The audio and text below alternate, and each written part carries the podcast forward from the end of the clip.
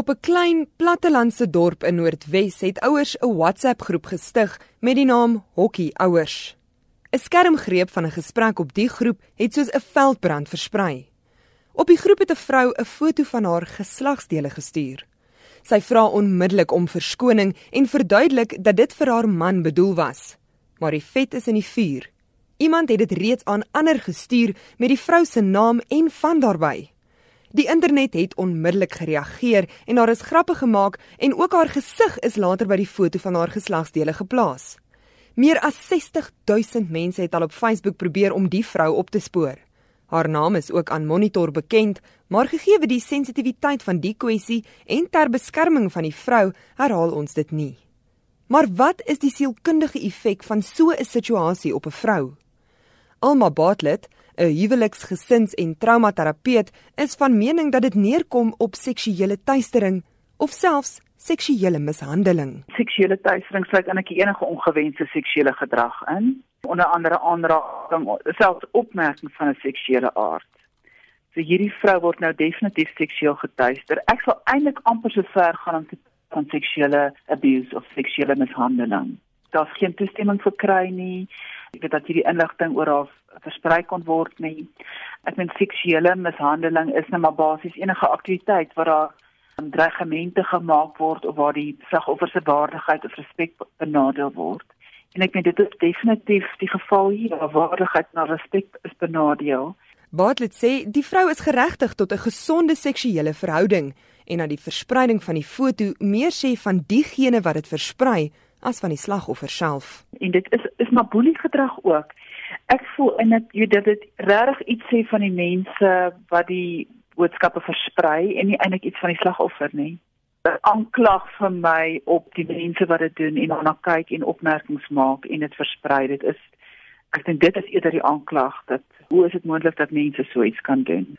Sy is van mening dat nie net die betrokke vrou nie, maar ook haar gesin vir traumaberading moet gaan. Mense se onmiddellike reaksies amper om dit te onderdruk en te ontken en weg te hardloop daarvan.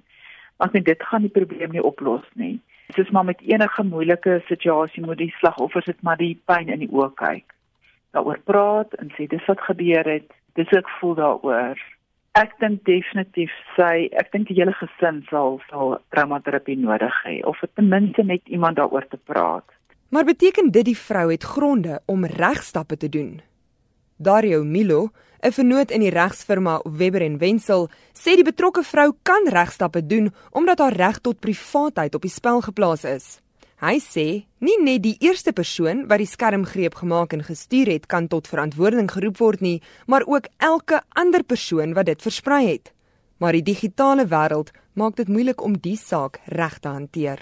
The invasion of privacy or a criminal case of criminal because this causes her distress, it causes her mental anguish. It is an aspect of her private life that she has a legitimate expectation to keep private. I would say that even the fact that she has sent it out by mistake doesn't mean that she loses those rights of privacy. So potentially she has that kind of claim. She has a claim based on harassment if she can point to particular people who are who are harassing her as a result of this. But the law is one thing, enforcing it is another thing entirely, particularly in the digital age.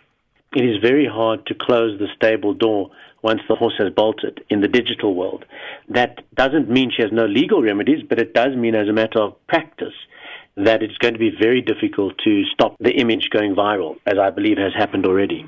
Milo sê ook elke persoon wat die foto op Twitter, Facebook of Instagram sien, moet dit aanmeld sodat dit verwyder kan word. Kutsie Bester is die direkteur van die Afrika Sentrum vir Inligtingsetiek by die Universiteit van Pretoria. Hy sê hy voel jammer vir die mense wat by die netelige kwessie betrokke is. Hy sê in inligtingsetiek bemoei hy hom met die menslike gedrag, in spesifiek die digitale wêreld. Bester sê uit die betrokke situasie is daar 'n les te leer vir elke mens. Dis 'n baie hoë risiko kommunikasieplatform.